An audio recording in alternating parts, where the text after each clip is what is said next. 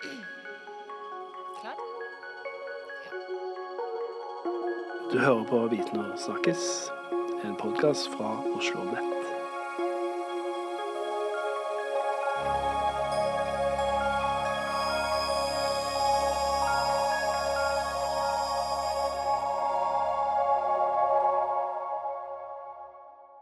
Kjære alle sammen. Da har vi gleden av å ønske velkommen til eh, Bokbad her på Oslo Met. Verter i dag har Monica Rosten, forsker på eh, velferdsinstituttet NOVA, og jeg, Stian Lie, forsker ved Oslo Met, fått muligheten til å være. Det er vi veldig glad for. Og så er vi veldig glad for å ha fått besøk av Golam Abbas, som sammen med Kjetil Østli har skrevet den ferske boka 'Gudfaren'.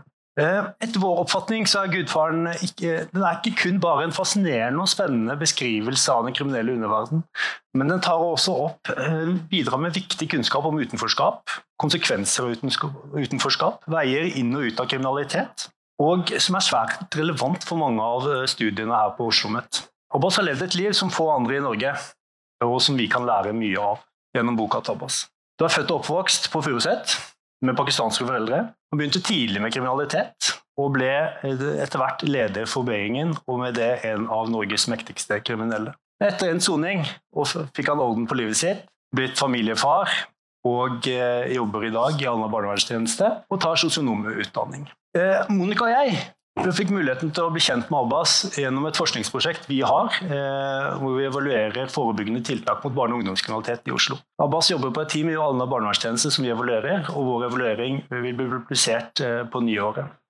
Og når Abbas ga ut sin bok, så så vi på en måte muligheten til å ha en samtale med Abbas om hvordan han gjennom med sine erfaringer, eh, hvordan han kan bruke dem til å forebygge barne- og ungdomskriminalitet i dag. Det var på en måte i den forbindelse vi, vi valgte nå kun å invitere Abbas, og ikke medforfatter eh, Kjetil Østli.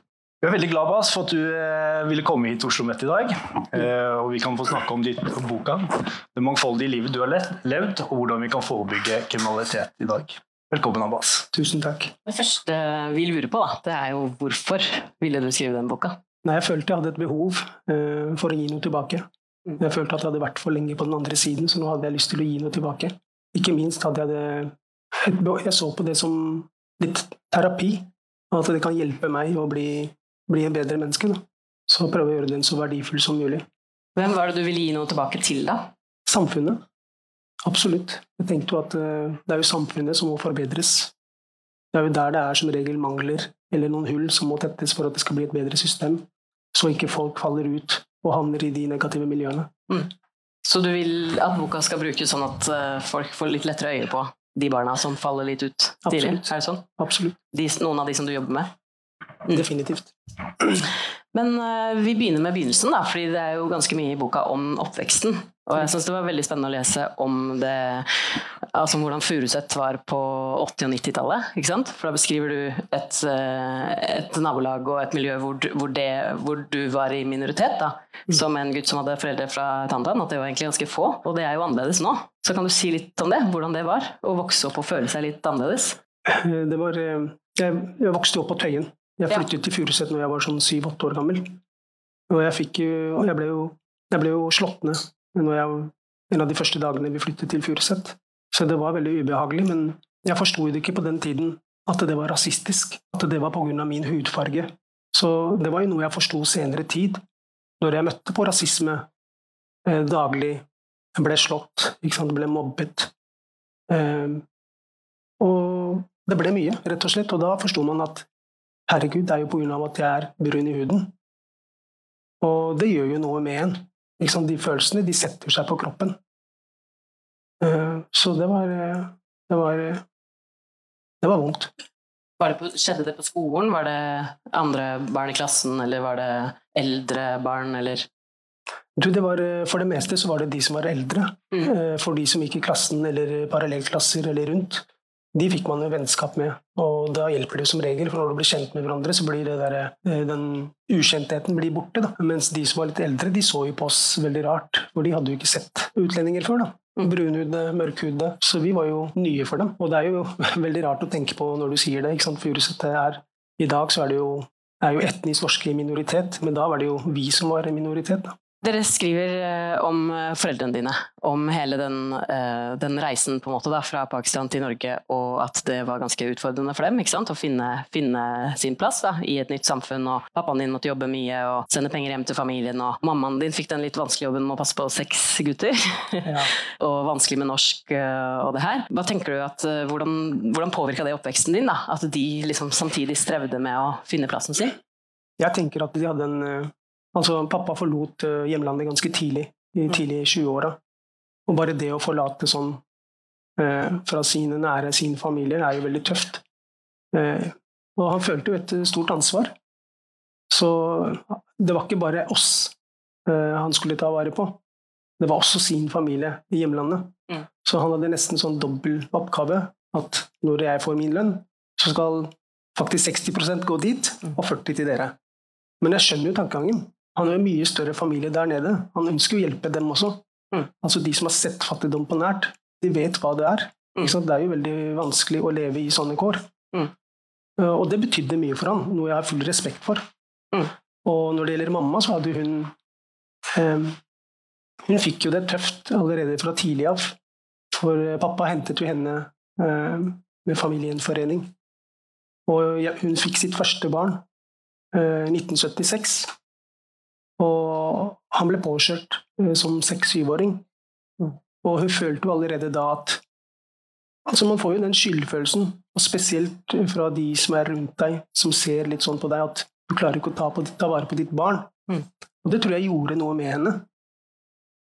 Uh, ikke minst uh, ikke sant, i hjemlandet så gjorde ikke kvinner så veldig mye på den tiden, med tanke på studiet. Du var mest sånn uh, du skal gjøre husholdningsarbeid, du skal passe på barn.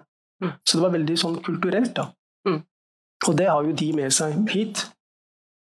Og hun klarte ikke å Kom jeg, bortskjemt, og fem andre. Så jeg tenker jo at det er en utrolig tøff jobb da, for en kvinne å oppdra seks barn.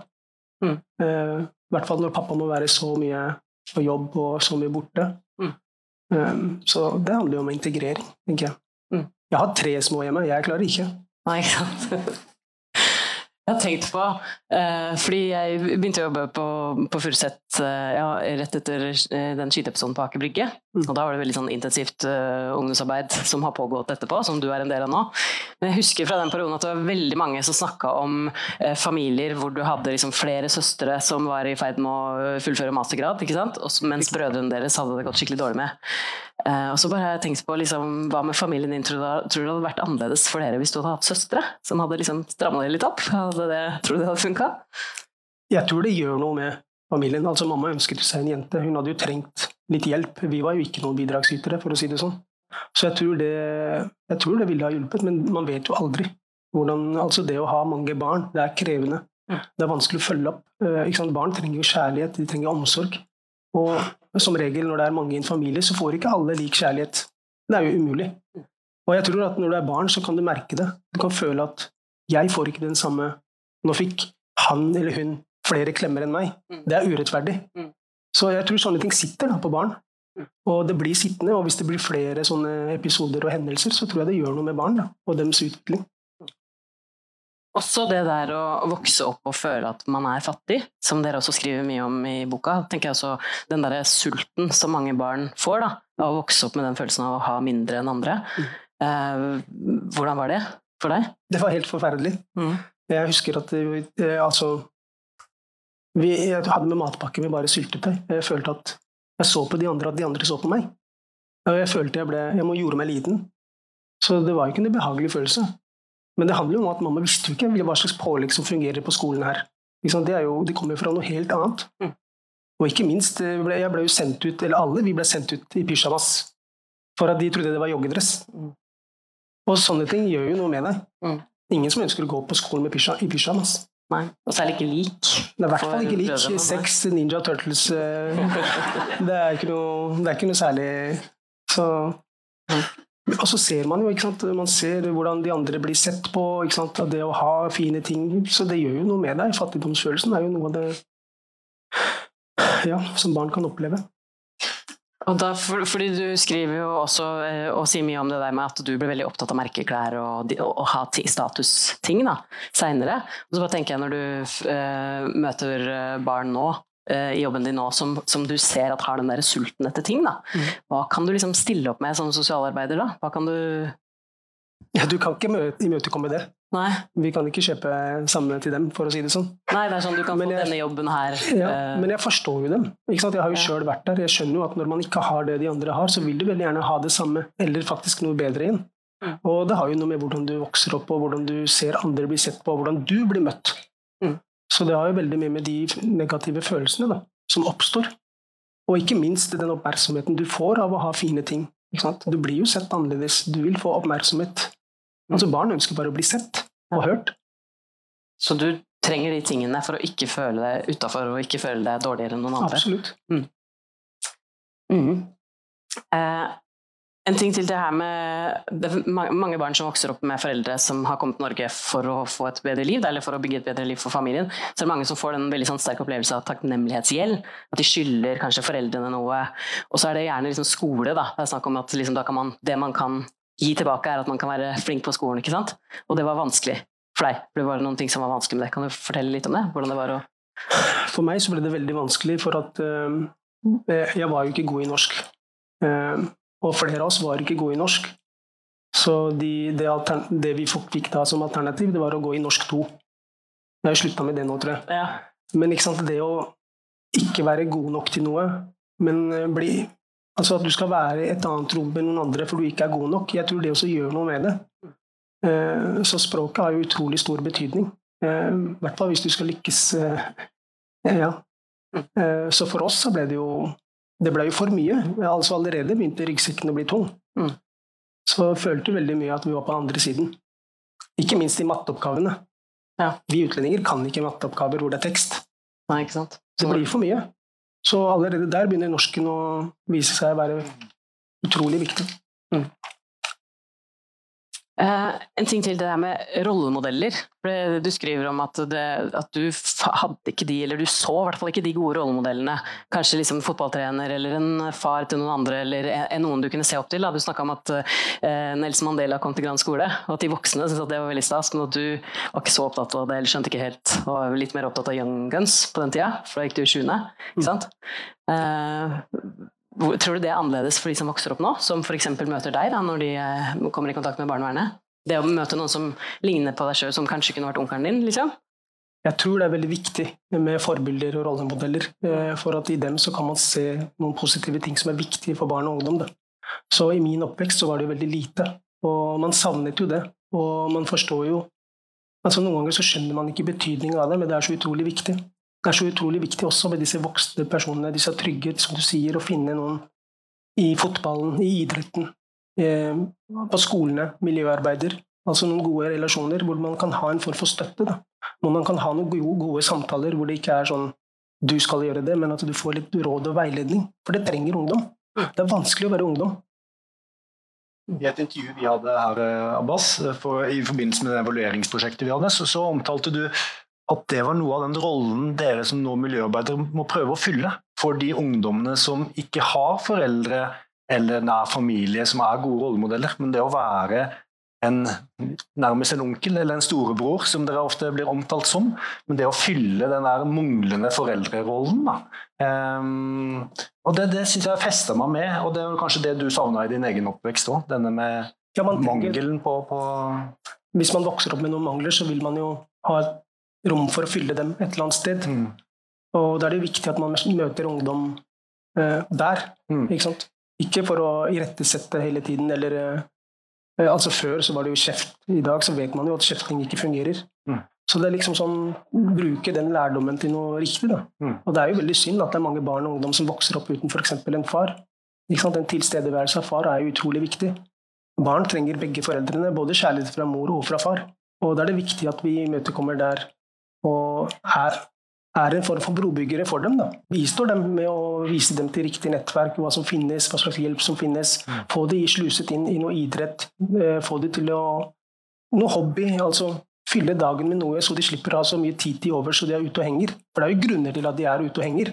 Men vi pleier som regel å peke på dem. Ikke sant? Se, der er de igjen. Men de har ikke noe sted å være. Så vi trenger å hjelpe dem.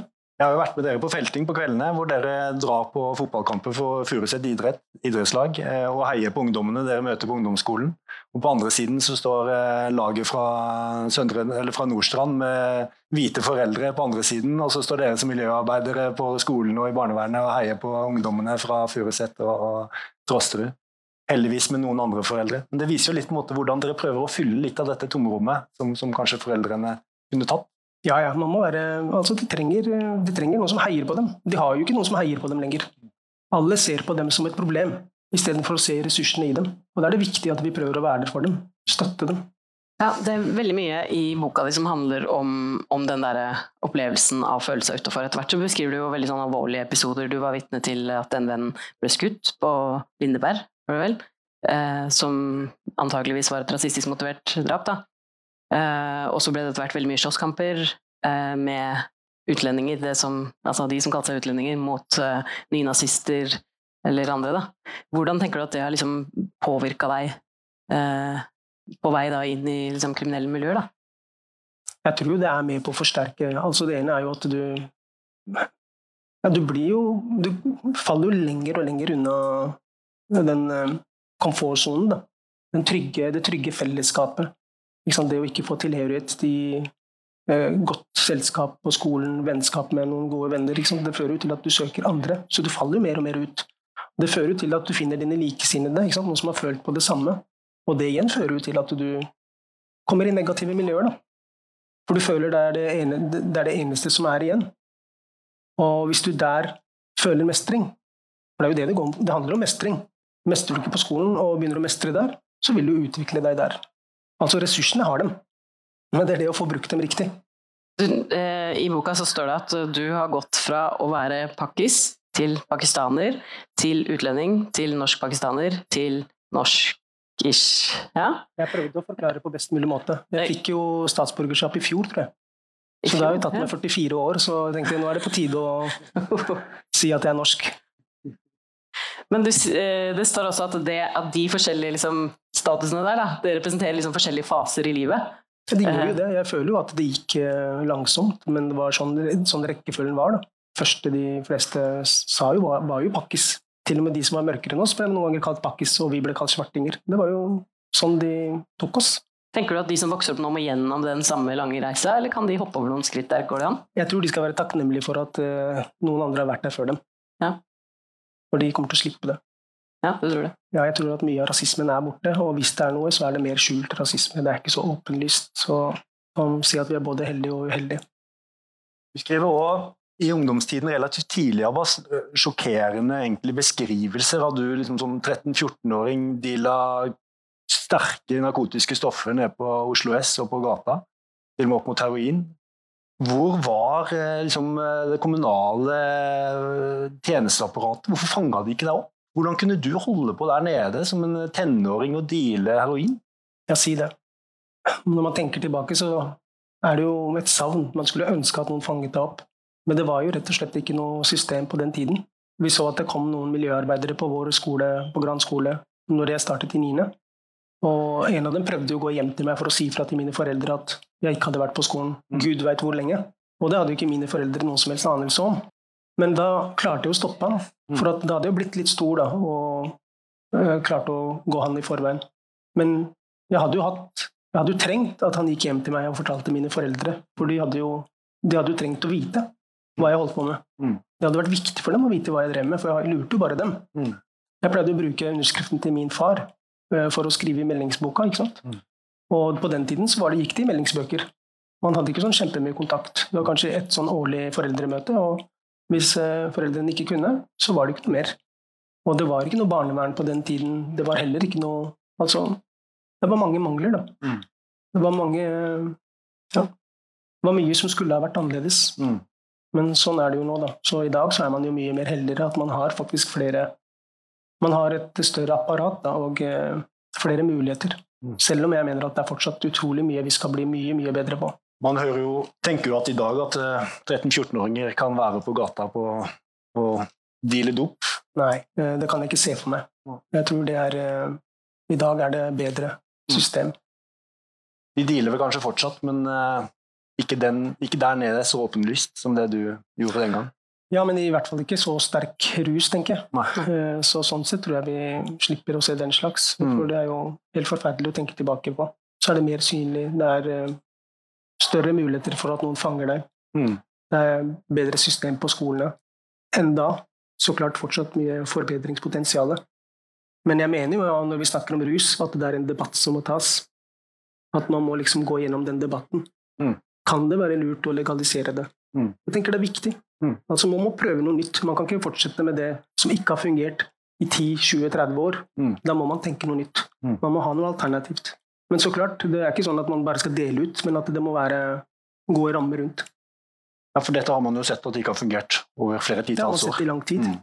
I boka så gir du ganske fascinerende, interessante og spennende beskrivelser av, av livet i underverdenen, som egentlig er lite kjent og lite skildra. Og sånn så bidrar du med mye kunnskap om, det, om de kriminelle aktivitetene, men òg det hverdagslivet som, som, som øh, også foregår da, mens, mens man er involvert i mye kriminalitet. Så der tenker jeg mange av dere kommende lesende, lesere har mye interessant i, i, i vente. da.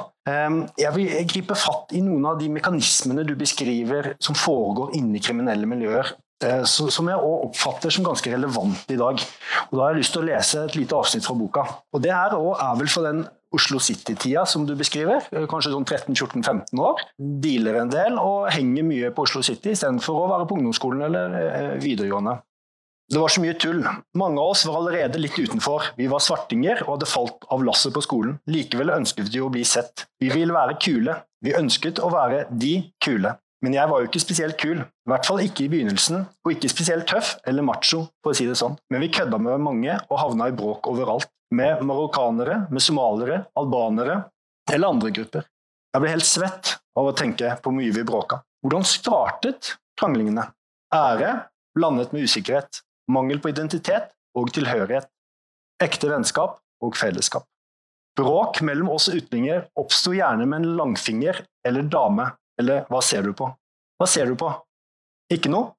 Bråk. Har pult dama di. Hun er hore. Hæ? Bråk.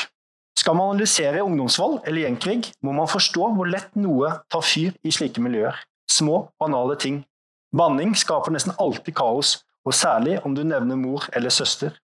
Er du ute på byen og møter et menneske som har snakket dritt om vennen din, er det nok til at du må ta tak i ham og stramme han opp litt på en eller annen måte. Han gjør ikke slik ustraffet. Her beskriver du, eh, Abbas, del, eller Dere beskriver en del mekanismer som er grobunn for konflikter. Det virka jo veldig lett å fyre, da. Jeg tror det er fortsatt like lett. Altså, man ser mye av det samme. Spesielt eh, vi med minoritetsbakgrunn. Vi har noen kulturelle utfordringer. Vi har en eh, misforståelse som vi går rundt og bærer på mellom religion og kultur. Så først og fremst så tror jeg at vi må Ja. Jeg ble veldig spent Hva Kan du si litt mer om det? Den misforståelsen mellom religion og kultur? Hva er det for? Ja, for at jeg tenker at mange av oss vokser jo opp, og vi er jo født muslimer. Men vi har så lite kunnskap om islam, så vi tror at det vi går rundt og gjør, det er, har egentlig med religion å gjøre. Men det er jo egentlig kulturelt. Så vi har noen store utfordringer som vi må legge fra oss. Vi har jo fordommer, vi dømmer andre. Vi gjør alt religion sier vi ikke skal gjøre, det gjør vi. Og så tror folk at det har med religion å gjøre. Men det har jo ikke det. Det er jo mangel på kunnskap. Så vi blir jo lært opp feil.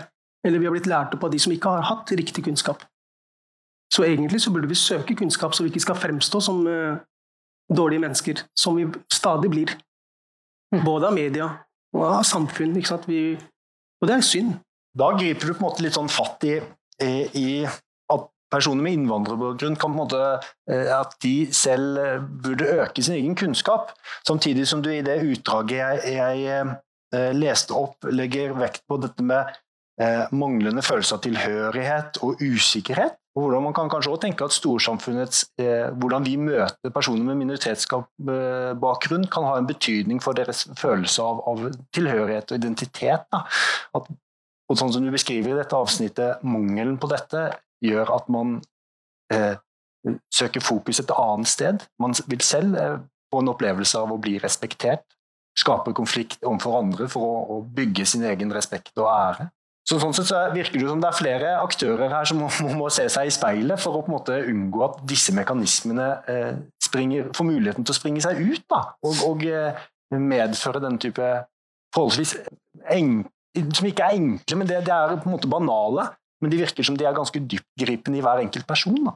Um, så, så hva uh, Det er noe med hvor lett, hvor lett er man å fyre, og hvordan på en måte skal vi klare å, å forebygge at det, det, skal fortsette sånn i dag. For Hvis man ser på ungdomsmiljøet, som dere beskriver i Alna når vi får lov til å være med dere, så er jo det òg en beskriver dere jo noe av det samme som du beskriver her. Det handler om ære, det handler om respekt, og ta til gjengjeldelse hvis man blir dissa ned. Hvordan prøver dere i ungdomsarbeidet deres å gripe tak i disse mekanismene? Nei, men eh, jeg tenker det handler om å ha gode samtaler da, og snakke om ting. At man tør å snakke om ting, og tør å snakke om følelser. Uh, altså, jeg tenker det er der det ligger. Og prøve å bli kjent med seg sjøl. Uh, eh, som du sier, det med speilet. Finne ut hvem, hvem er du Mm. Og hvor står du? Uh, hvor i livsløpet er det du er? Så liksom være litt bevisst, ha litt bevissthet rundt det tror jeg hjelper veldig. Men tilhørighet eh, er jo utrolig viktig. Da. En ting som vi har merka veldig på dere, på deg og de andre som jobber i teamet ditt, som også er fra det samme området og har vokst opp der, altså dere har så veldig sånn tydelig ro i kroppsspråket. At det er liksom, Man får ikke lyst til å fyre seg opp i nærheten av dere fordi dere er liksom veldig rolig. Hvor gjennomtenkt er det? Er dere bare sånn, eller er det liksom en strategi, på det? Nå er jeg, nå er jeg veldig rolig av meg sjøl, ja. men uh, jeg tror nok at det er viktig å ha det i bakhodet. at det er Altså, når man skal møte andre mennesker og jobbe med andre mennesker, så er det viktig hvordan man er sjøl. Mm. Uh, er man sjøl veldig sårbar, så er det viktig å legge den sårbarheten bort når man skal i møte med andre mennesker. Så det er viktig å ha den roen. Uh, viktig å ha troa på og uh, viljen til å hjelpe. Vise mennesker respekt og vise mennesker kjærlighet. Det tenker jeg er viktig. Mm. Og samtidig også at du på en måte har at du er stødig, liksom, at du har Absolutt. kontroll på situasjonen, at du er en støtte for den. Absolutt. Mm. Så for oss er det veldig viktig å møte ungdommen der de er. Det handler jo om å anerkjennelse. Gi dem litt eh, At de får muligheten til å bruke sin stemme. At de kan være med på å påvirke sin sak. Har du eh, da ungdomskriminaliteten i Oslo har fått en del oppmerksomhet i det siste, eh, ved en del eh, spesielle hendelser som har skjedd. Hva tenker du liksom er hovedforskjellene og likhetene mellom den gangen du var ungdom og i dag? Jeg tenker det både er noen likheter og noen ulikheter. Mm. Men man ser jo i dag at det er lettere å rekruttere ungdom enn det det var tidligere. For når jeg vokste opp, så var vi veldig flinke til å skjerme barn og ungdom. Eh, hvis du så noen som var yngre enn deg rundt der det var negativitet, rus, kriminalitet, altså alt av den slags, så sendte man dem hjem. For sånn var det. Eh, men i dag så ser du at det er litt annerledes. Eh, de som er eldre, de sender ikke de som er yngre, hjem. De inviterer dem heller inn. Så de har jo fått noen muligheter, ikke sant. Og da blir du rekruttert inn i en, eh, et negativt miljø. Da. Og så klart, det er synd. Men hvis man skal tenke på årsaker, så tenker jeg at det er det handler jo om eh, stadig økt ulikhet. Det handler om barnefattigdom. Det er mange av de store spørsmålene som er veldig aktuelle. Følelsen av tap, nedverdigelse, utenforhet. Definitivt. Mm.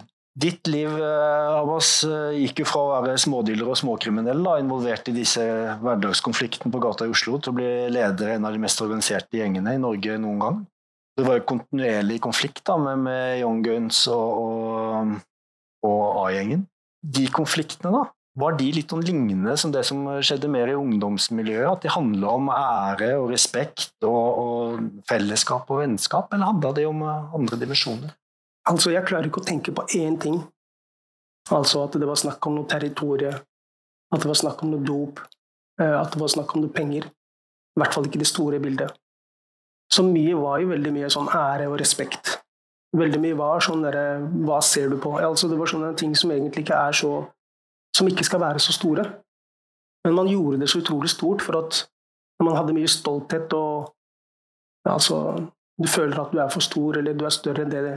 Så du vil ikke bli behandlet sånn, du vil ikke se svak ut. Altså, mennesker er redde for å se svake ut og vise følelser. Mange er redde for å si ifra at de er redde. Og det ser man jo i dag også. Hvorfor bærer de fleste på kniv og våpen? Jo, så klart det er en redsel der. Da vil man jo bevæpne seg.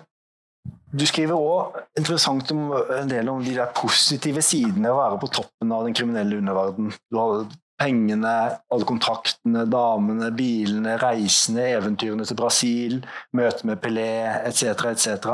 Og så beskriver du òg veldig ærlig om nedturene. Ydmykelsen, den dårlige samvittigheten, særlig overfor familien. Eh, men hva holdt deg? Så det var på en måte mange omkostninger for deg, eh, sånn som jeg leser boka di, det å være i dette miljøet, som du beskriver godt om. Men hva holdt deg igjen da, i det kriminelle miljøet? Hva, hva, Du beskriver at du liksom flere ganger var inne på tanken om å nå må jeg gi meg, men eh, hva holdt deg igjen? Nei, man ønsket jo å komme seg ut flere ganger, men det er så sterke krefter. Og så er det mange som prøver det med samvittigheten. ikke sant? Ikke, det, ikke minst at du sjøl føler at du har et ansvar ikke sant, med å bidra. Så jeg forsøkte jo mange ganger å komme ut, og jeg ønsket jo å komme ut, men det ble for vanskelig. For det var en eller annen som var i konflikt nesten hele tiden. Og det går så fort.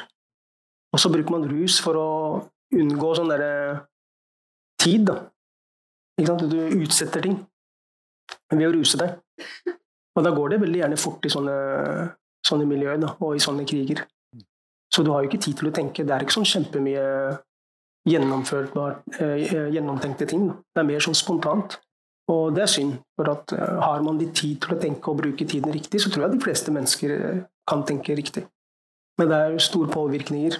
Det blir en helt annen disiplin, det blir noen helt andre prinsipper når man er i sånne miljøer. Det blir noen kodekser holder. Som holder deg fast. Mm. Når var det på en måte den veien din ut da, akselererte og virkelig fikk fart? da? Det er noe man tenker på lenge over lang tid, kanskje flere år, men nå var det på en måte skøyt fart? Nei, jeg må si Altså, når jeg ble forsøkt drept, så var jeg litt sånn 50-50. Jeg vil jo ta hevn. Det er jo normalt når du blir tatt. Du vil du skal ta igjen. Du må svare. Sånn er det. Det er nesten normalt. Det ligger i, ligger i korta. Men det begynte også å gjøre noe med meg, for jeg hadde jo barn, flere barn. Jeg hadde etablert meg i Brasil. Jeg hadde eiendom, jeg hadde kontrakter, jeg hadde masse. Jeg hadde jo alt jeg kunne ønske meg. Så man begynner å tenke, og man begynner å veie det opp mot hverandre. Men samtidig så er kreftene for sterke. Altså hevnen kommer først, og så ligger det litt sånn på vent. Så er det litt avhengig av hvordan det beveger seg i miljøet. Men så var jeg så heldig, da, hvis jeg kan si det på den måten, samtidig som jeg var uheldig.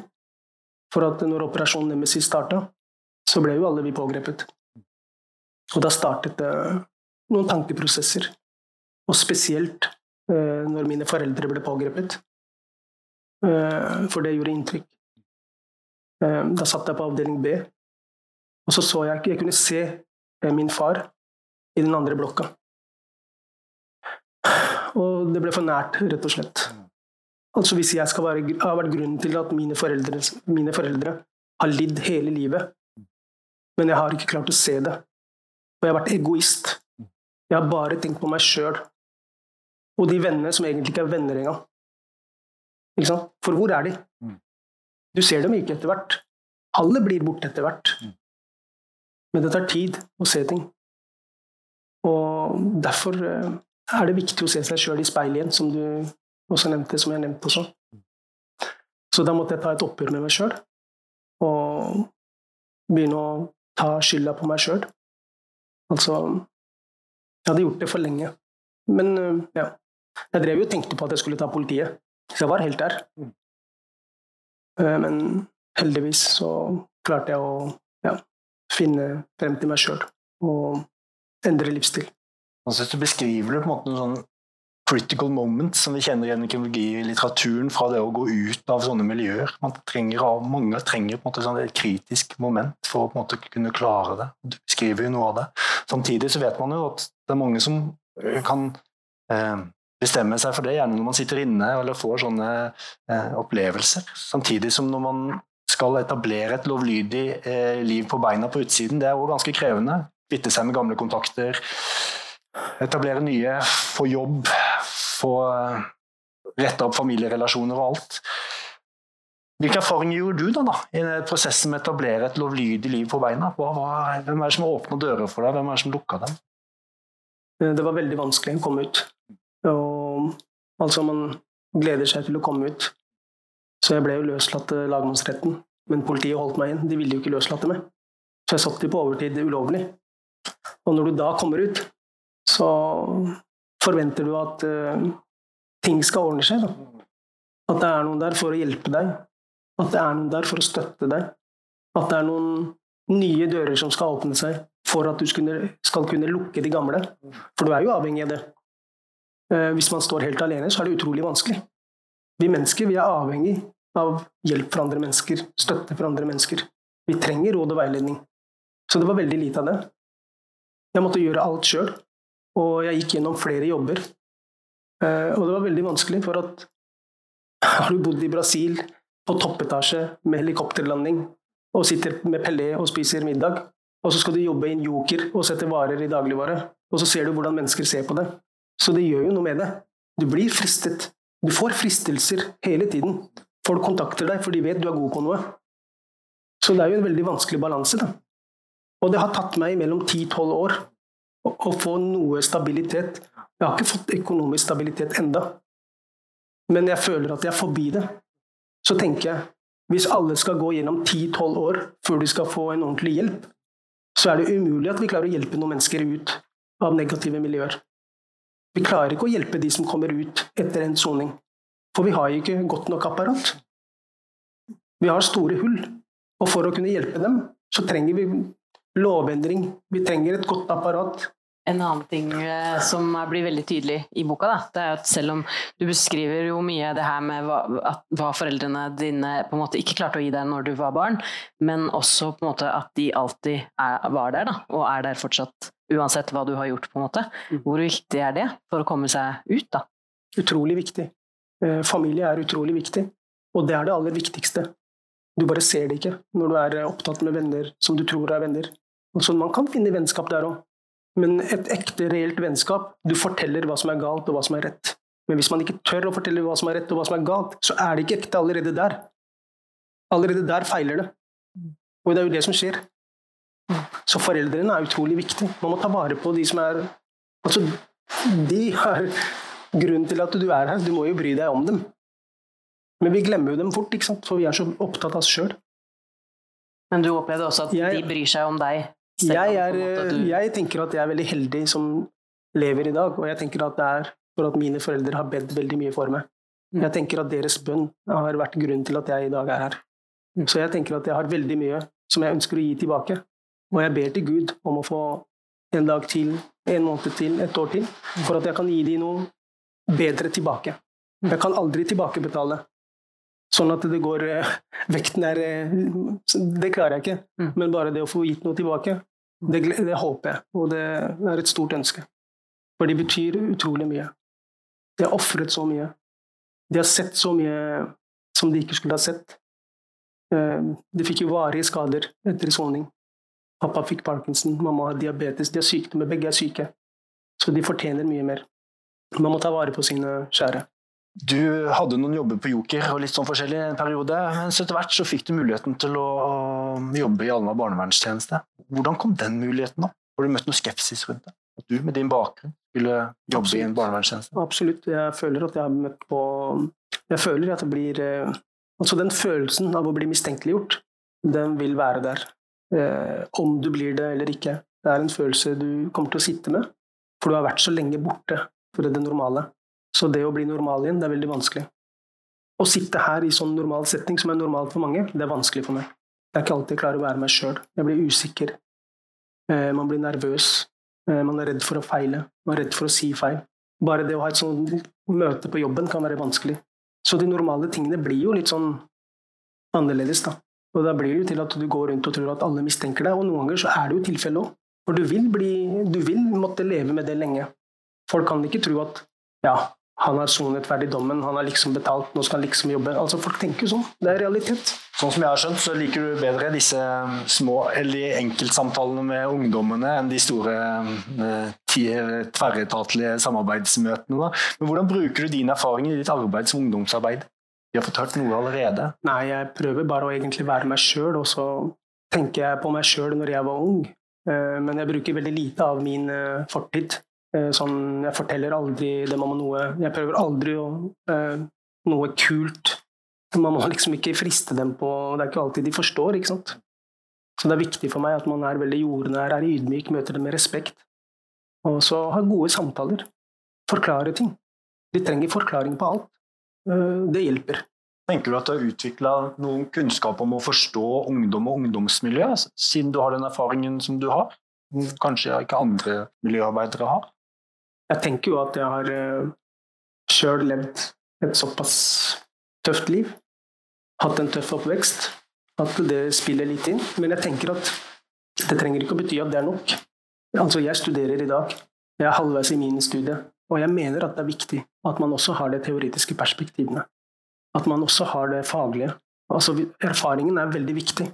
Eh, jeg mener at erfaringen noen ganger er viktigere enn det teoretiske, men man trenger begge. Jeg skulle ønske at man startet å jobbe først, og så fikk det teoretiske etterpå.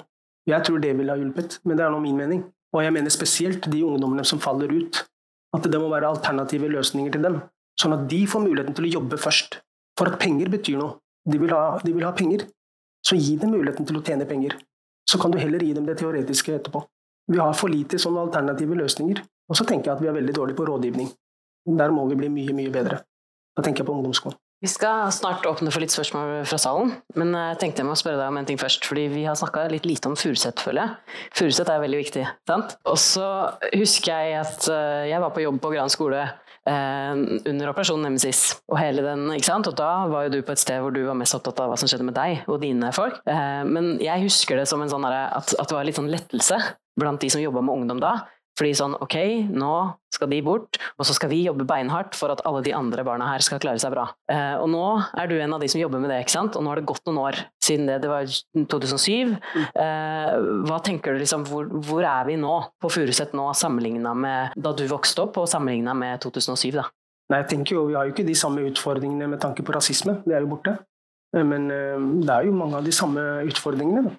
Eh, det kommer jo av. Vi er jo, altså det, er, det er tett bebodd, vi er mange mennesker som bor der. Det vil jo føre til at det vil oppstå utfordringer. Eh, ikke minst at vi har mange barn som vokser opp med en forelder. Det er et, det er jo et stort tap for disse barna, og det er veldig synd. Men derfor så tenker jeg at det er veldig viktig at man tenker forebyggende arbeid, men tidlig innsats. Og tidlig innsats så tidlig som i barnehagen. For at I barnehagen så har du muligheten til å se barnet, men også rundt barnet. Du får sett foreldrene, du får møtt foreldrene. Du får litt mer innpass, du får litt mer innblikk, du får sett hvordan de har det. Da har man muligheten til å vise til hvilke nettverk, nettverk som finnes der ute, sånn at de får riktig hjelp.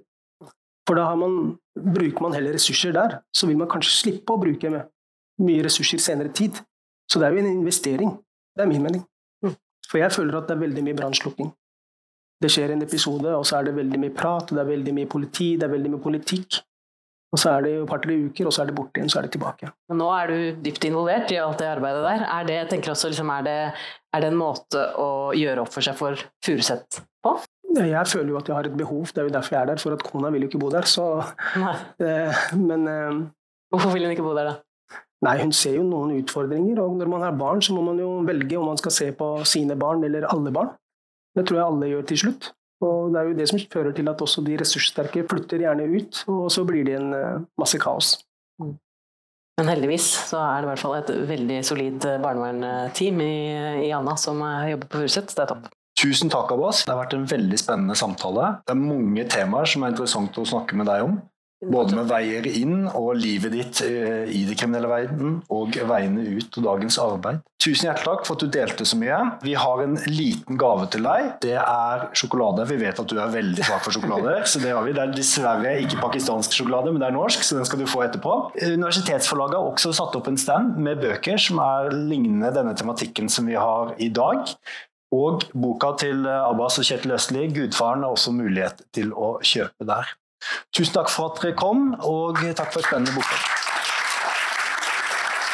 Tusen takk.